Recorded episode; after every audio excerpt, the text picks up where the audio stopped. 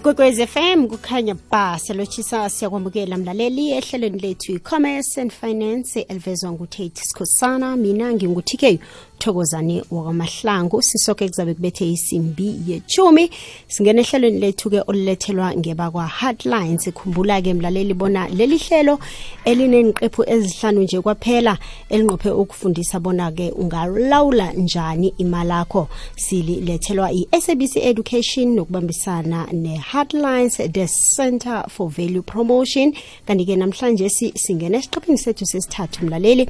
Lapho siyokutsheja khona-ke ukuqakatheka enokubulunga imali. Evekeni epheleleko besitsheje i-budgeting um beka indlebeke sizobona-ke isiqephu sethu sanamhlanje si um sisiphatheleni ngikhambisana-ke nobaba ujohannes masilela ovela kwebakwa-heartlines masilela ngiyakulotshisa ngiyakwamukela emhashweni kwekwez f m. Ngiyathokoza tk ukuthi um ngibuye futhi ngibe khona kukwekwez f m namhlanje si. Ahake nabalaleli basemakhaya ngithi asifonsisi lehlelo namhlanje lokulunga kwemali ekuqakatheki kangaka. Kunjalo masilela namhlanje sisiqale khona ukubulunga imali. Kuba yini kuqakathekile bona sibulunge imali?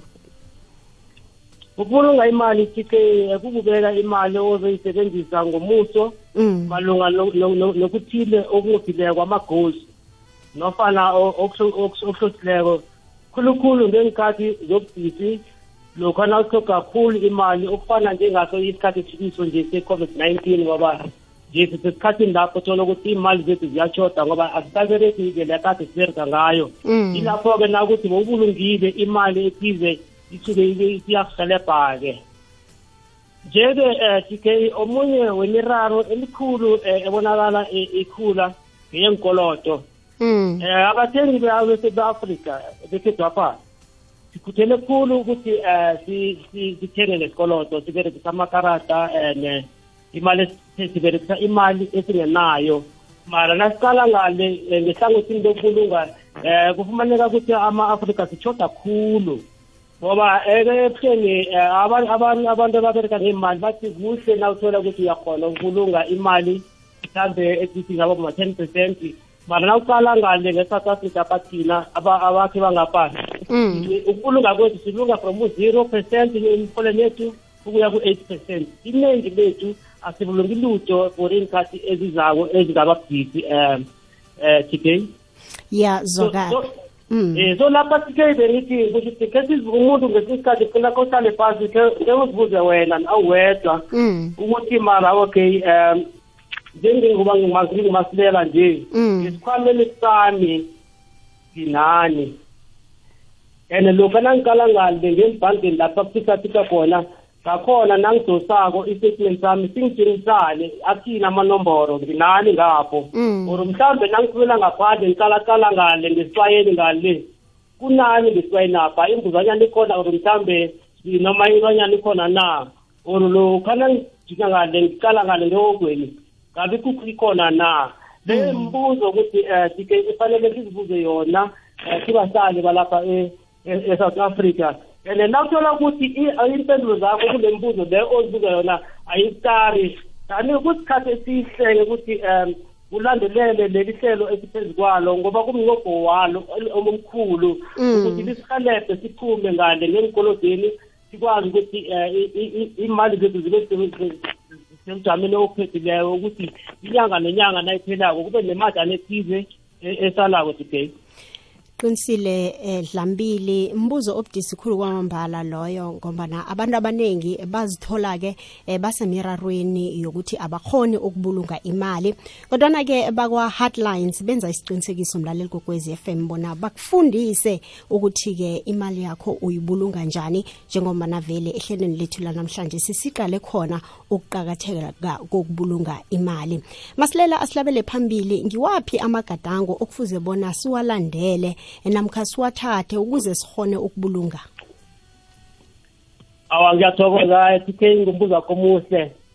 Eh amagadango i-hotline lapha iyasifundisa eh tk ukuthi awukho umlingo nafana imfihlo yoku- yokukhulisa imali yakho mara kukhona imfundiso okufanele uzilandele ezizokuhelebha ukuthi ukwazi ukubulungela ingomuso lakho namkha umnqopho othize okufanele ufanele ukwenza or mhlawumbe ngesi sikhathi uthi ufuna ukuthenga ikoloyi ufuna ukuthenga indlu le. So i-hotline izokufundisa ukuthi right-ke na uzokwenza lezi zinto kwenziwane so iphuzu ami lokuthoma lapho lizokhuluma ngendaba yokuthi um t k. Lo khana uzizohlangabezana nenqopho zakho na uzokumitha ama-goals wakho le kufanele ukuthi um um ube disciplined. kusho ukuthi ufanele ube disciplined and kufanele ukuthi ube committed. Uzimisele and ukwazi ukuthi yo ngiyakhona ukuzilawula ngoba emali lapha kufanele ukuthi ukwazi ukuzilawula.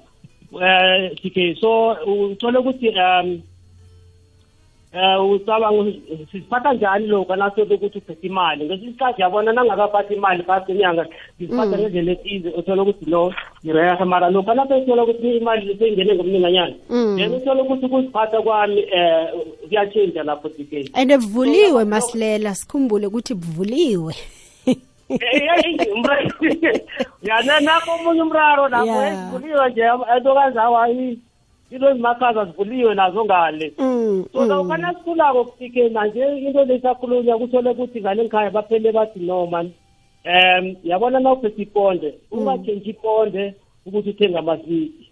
Or mhlawumbe utshentshi iponde ukuthi uthenge nje isiphuzo esimakhaza.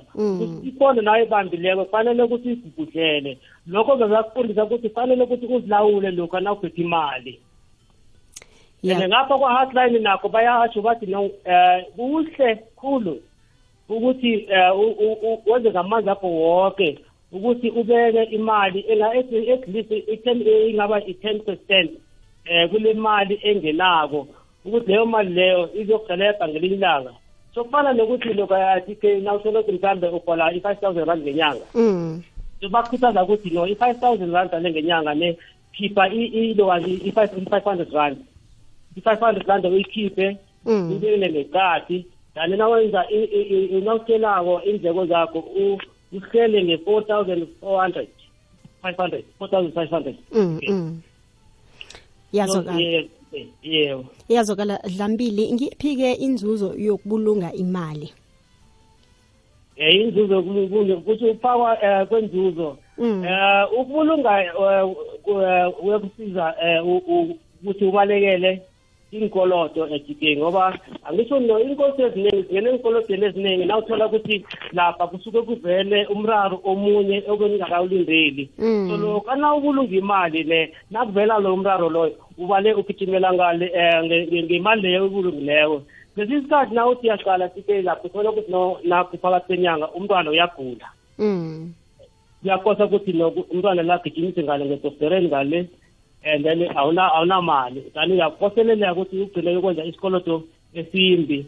Kwesinye isikhathi khona ngale ngikhaya ngalo uthole ukuthi no mani um njengoba eh, lapha ngenzi lapha uthole ukuthi kunento e- emoshekako la kuyakosa ukuthi ube- buhaba ukuthi uyilungise. And imali awunayo. Kuyakosa ukuthi kamakhelwane uye kuthi uyokuboleka imali? Sewuthola ukuthi manje inyanga ilandzelako nasohola la imali leya siyiphelela lapha enkolodweni apha then awusabi necubekela phambili. Mm. manje na ubulunga imali into ezinjalo zi- uyadlula kizo um sikeni and kukusiza ufinyelele iminqopho yakho esikhathi esifishane kunye nesikhathi eside. Njengoba sibabantu esikhathini esiningi uzothola ukuthi sinamagozi umuntu ufuna ukuthi no ngifuna ukuba nalokhu ngifuna nalokho nalokhu and omunye umuntu athi ngifuna ukuthi ethi nami ngibe nemali. So na kuthola ukuthi le nto uyikhuluma mara uthole ukuthi awubulungi. Ngeze yenzeka Mhm. iyazwakala masilela. Njanje imizuzu ilithumi nethobako ngaphambi bona kubethe isimbi yechumi usalalele umrhatsho ikwekwezi fm kukhanya ba lihlelo i-commerce and finance olulethelwa i-sabc education ibambisene ne-heartlines the center for value promotion. Namhlanje simlaleli sikhuluma ngokubulunga imali sikhambisana-ke nobaba ujohannes masilela ovela khona-ke lapha-ke eh, kweba kwa-heartlines amasilela asiragele phambili sizwe ukuthi i-heartlines isifundisani eh, ngokubulunga imali eh, kanye lapha-ke nokusisa imali saving and investment. Umehluko ukuphi lapha? Ngiyathokoza kakhulu ajike ngombuzo wakho omuhle. Um ithi sigcizelele futhi kubalaleli ukuthi la maphuzu amabili um ukubulunga eh nakho ukuthi uinvest imali womabili abalulekile ngoba anenqopho ehlukeneyo kancane lapha nalapha. Mm. Eh ake sithome ngokubulunga imali isikhulume lapha kuzaba namaphuzu mhlawumbe amane namahlanu singakhuluma ngawo. Ukubulunga imali eh ngokomgomo wesikhathi esifitshane mm. Imali yakho ibulungekile kusho ukuthi imali yakho ibulungekile njengoba sike lamalanga la akukuhle ukuthi na ukuhamba kuphethe ukuhamba uphethe imali eningi isicushulu semali ngesikhwameni ngcono ibeke lapho izobulungeka khona eh ukuthi na ufuna ukuyithola ukwazi ukuyithola. And futhi ima- ukubulunga kwemali itholakala kalula.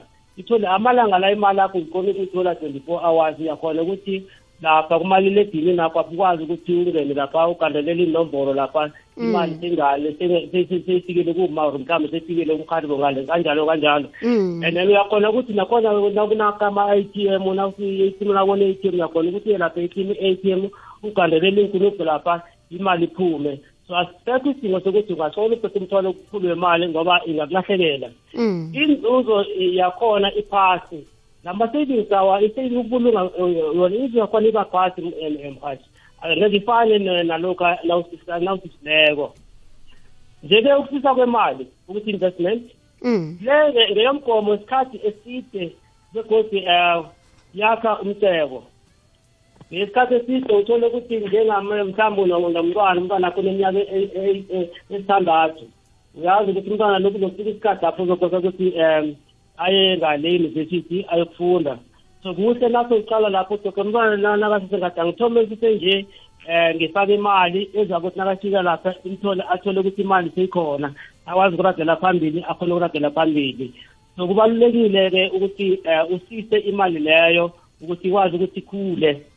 Kunobungozi um obuphezulu-ke bongalahlekelwa imali leyo mm lokha lokha nasakhulako tike basiyela ukuthi yabona na ufuna ukuthi ube neragela phambili Mm. ngimudinga uthenga ikomo ikomo leyo nangwana lapho uzayivisa khona ukhambe uyoyifisa mara Mm. basilemusa ukuthi nayokufisa ikomo bathi um nayokufisa ikomo fanele uthenge netswayi um nomugwa ukuthi lapho uyokufisa khonapho ubanikele itswayelo nomugwa loyo so ubungozi bakhona lobo.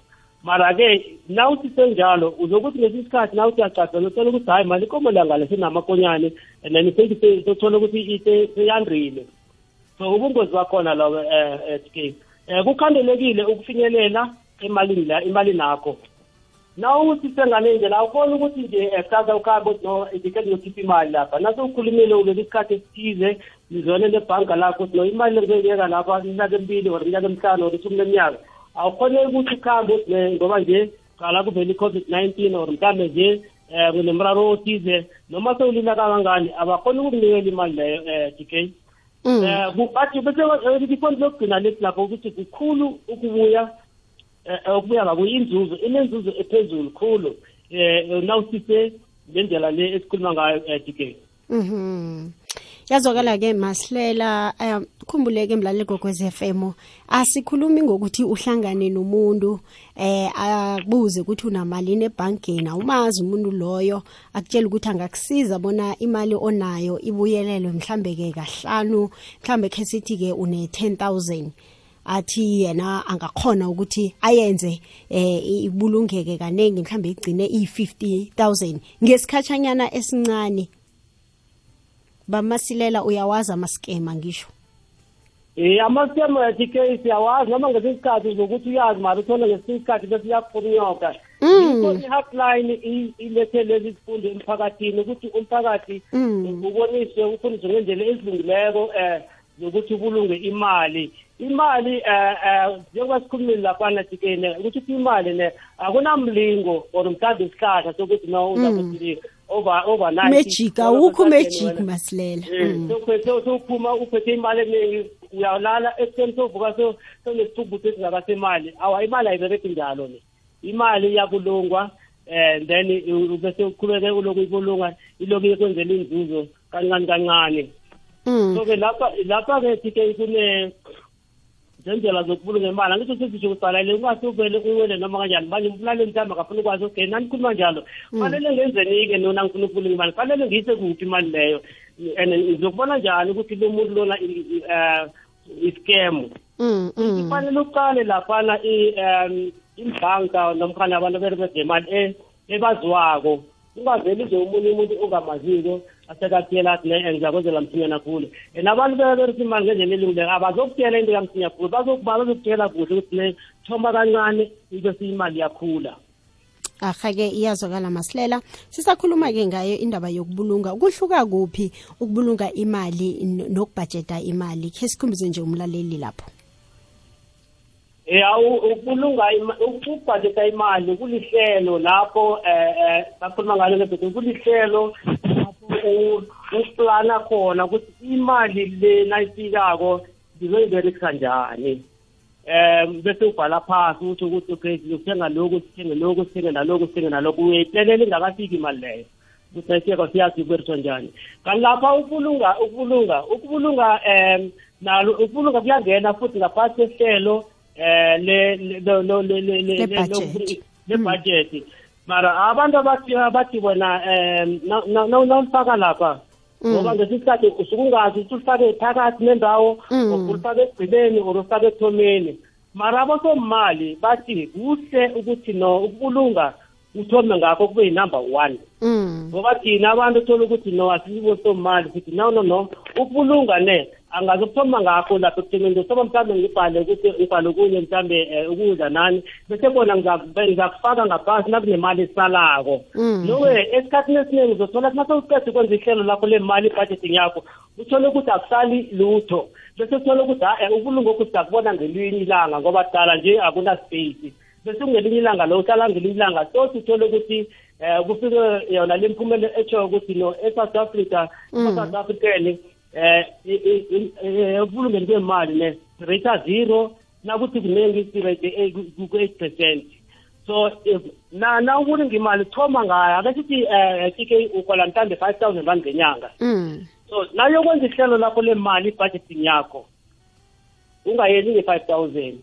Uthatha i-five hundred rand uyayikhipha lapha ngela ngikati then wena uzoyenza nge-four thousand five hundred. I-five hundred leya uyifaka ku-stock order ukuthi ingasakuthimbi indlela ezile straight iye la uzokulungela khona so ukuseva i-budgeting wenza ihlelo elizokuhelebha ukuthi ukwazi ukulunga imali yazokala dlambili mlalele kwekwezi FM chumi mzuzu ngaphambi bona kubethe isimbi yechumi sisesesehlelweni commerce and finance ihlelo lezemali eh, olulethelwa i-sabc education nokubambisana ne-hardlines the center for values promotion. Khambisana nobaba ujohannes masilela unethuba-ke nawe lokuthi usidosele umtato khe sikhulume ngayo indaba le yokubulunga imali. Eh, wabelane nathi-ke nawe umbono nayana ilwazi lakho lokubulunga imali 089 1207667 khulumisana nathi-ke mlaleli kokwezi FM uyakhumbula-ke nephimbo lakho ungaligadangisa kuwhatsapp inomboro ithi 079 413 2172 ngiyayibuyelela 079 413 2172 khona ubaba masilela udlambile. Baba masilela eh, akhe siyelelise umlaleli ukuthi ngibuphi ubudisi angazithola akibo lokhu anakangabulungiko imali. Kodwana ngaphambi kwalokho sinomlaleli la emtatweni khe simuze ubona uthini alright usilahlekele sincancabeze. Masilela. Ya mthokoze tk mm. eh bengizwa umbuzo wakho tk umbuzo uthi ngibuphi ubudisi umuntu angazithola akibo lokhu anakangabulungiko ye ngiyakuzwa tk umbuzo wakho ukuthi muhle khulu tk eh lokho nawungakulungiko ke esikhwameni kingathi nasithomako sikhulumako lapho ukuthi kufanele kuzibuze ukuthi nawuthi uziqala ngesikhwameni sakho kunani and nawuthi angebhanke napho uthola ini nawuphumela ngaphandle ngisibayeni mhlawumbe ngale kokeli kunani? Nawuthola kunganalutho kusho ukuthi kufanele ulime ukuthi lelo hlelo oliberekisako kusho ukuthi alikuberekeli kuhle? Uthole esikhathini esiningi uzothola ukuthi awubulungi imali kuba ubudisi ohlangabezana nabo. And then kuzokufosa kuphushelele ukuthi ube nenkoloto izindaba zakho eziningi uzozilungisa ngenkoloto nakufika ubudisi nakufika into ebukhambekileko kosa ukuthi ugijime uyokuboleka ngapha ngakwamakhelwane so na ungabulunga imali uzokuhlala uphakathi kwenkoloto and lapha tk basenzele lula um njenganje ngoba sekunama ama-account a-different ngale ngemabhankini ongabulwa ngayo imali. Mm. njengoba kunama-transactional accounts la ma-account layo i- i-account uthole ukuthi uyakhona ukubulunga imali and ngeke ukwazi ukukhipha imali engaphezu kwaleyo mali oyifakileko evikela ukuthi ungazitholi sewuphakathi kwenkoloto mara le mali ukhona ukuyithola ngesikhathi nesikhathi oyifunako. Kanti kube nala amanye ama-account sothola ukuthi aba ama-fixed deposit account. Ama-fixed deposit account yila ma-account wena owenza isivumelano nebhanka othi ibhanka naso imali ngizoyifaka le mali le ngizoyikhipha emva kwe-twelve months mhlawumbe ngizoyikhipha emva kwe-twenty-four months niyavumelana nebhanka ukuthi imali yanayihleli ngani? Ibe nenzalo eningi ukuthi izokwandisela imali yakho kanti futhi kunama-notice deposit account ama-notice deposit account ekujwayele ekulu ngileva mhlawumbe bazoyibiza ukuthi thirty-two days Mm. akuyo mara akuyo yodwa kune-thirty-two days kune-twenty-four Nama hours seven kuna- days. Mm. seven days kuya ngokuthi wena uh, ufuna ukuthi ibhanka uyayitshela ukuthi ibhanka imali engiyayibeka angazoyithatha le Mm. ngiyayibeka imali le la ngizoyithatha ngizongi- ngizongibethela umkhala or ngizonitshela eh, ngomaliledinini ukuthi imali engaka ngiba ukuthi ngiyidose Mm. kanti uma wenza njalo ikuvikela ukuthi ungasithi noma ukuhamba kuphi nakuphi sowuthola wena eh, eh, so- sowuyakhona ukudosa imali iyakukhandela ukuthi no iyakukhontrola Mhm. kanti futhi na ubheka kuma-long investment ukuthi ukwazi uku-investa imali for isikhathi esihle kunama-unit trust ama-unit trust kulapho ukwazi ukuthi ukhambe um uye lapha ku-stock market seyimali uthenge mhlawumbe ama-shares mhlawumbe uthenge ama-shares kule khampani ethize uyibona ukuthi i- i- i- ibereka kuhle ingakwenzela izuzo imali yakho sesiba namakonyane iyakhula Mm. ama-endorsement policies um ne-retirement lapho yazi ukuthi nakune-endorsement policy ngizofaka imali the long term mari imali yakhona nginelungelo lokuthi ngingayidosa before ngikhamba Mm. then uma uzobe lapha kuma-retirement uthola ama-retirement unit laphana ne ama-retirement unit kulapho ubeka khona imali engeke wakhona ukuthi uyifiyelele until uba na-fifty five years ukuya phezulu. Ah, leyo mali ihlezi noma ngathi udini izohlala lapho. Ahake masilela ngiyabona soyangenelela kodwana ngombana isikhathi sethu sesikhambile ngibawa nje amezwi wakho wokuqina eh ukuthi umlaleli ngikuphi othanda ukukusho kuye bese ke sikwazi ukuzwa nokuthi ke bakwa Heartlines sibathola kuphi njani ngithokoze khulu tk um ngithanda ukuthi umlaleli um sikhulume ngendaba ukuthi um ukuthi ukwazi ukuthi um ubulunga imali kufanele ukuthi um ukwazi ukuzilawula and uzimisele kube discipline i-discipline ma ingekho um tk Mm. imali ngeziwakhona ukuyibulunga yikho abantu abadala babekhuluma ukuthi ungatshintshi iponto uyithenge ngayo amasithi Mm. ngiyathokoza kule ndawo and then then sizokhuluma lapha um tk indaba ukuthi sitholakala kuphi Mm. siyatholakala hotline ku Facebook. Tholakale nga- ngale ku eh, ku Twitter. Ku Facebook tholakala ku hotline eh, ku Twitter tholakale ku hotline um ZA siphinde futhi sitholakale laphana eh ku enomborweni zethu zomtato lapha ze ze ze WhatsApp eh, TK mm uyakhona ukudosa umkhala laphana ozowugadangise iphimbo lakho. Mm. 081 548 0262 i-WhatsApp number yethu is 081 5480262 kanti futhi imfundo zethu eh isifundo ngase sidlalile lapha emoyeni njengalesi sifundo sethu Mm. nokuya emuva uyakhona ukudownloada eh TK lapha na ku www.heartlines.org.za and then kuthaza umlaleli ukuthi lezi mininingwane esinipha yona niyiberegise ngoba mlaleli ngoba kunezifundo eziningi eziyakhona ukuthi mhlawumbe zazikhava zonke lapha emoyeni ozozifumana ukuthi zihelebhe ngeemali zakho. Ngithokoza indleko mlaleli sihlangane izinto zakho. Masinyazana nje dlambili ngaphambana ukuhambe ubuyelela i-website la umlaleli angakhona ukudownloada khona ihlelo lethu lanamhlanje i-website yethu is www heartline org za www heartlines org za aha-ke. Dlambili sithokoze khulu kwamambala ube nobusuku obumnandi. Ngiyathokoza tk aha-ke mlaleli kokwezi fm ngujohannes masilela ovela kwa-heartlines the center for values promotion. Isiqephu sethu sesithathu lesi mlaleli labekade sikhuluma khona ngokubulunga imali. Khumbula bona-ke ungathola leli hlelo ngokuthi uchinge kuwebsayithi yawa-heartlines uthi www heartlines org za mina ngingutk thokozane wakwamahlangu. Tate sikhosana usivezele ihlelo lethu. Ihlelo sizigedlile liragela phambili nobobo david mina nawe sihlangana godu ngele sine ngikhambile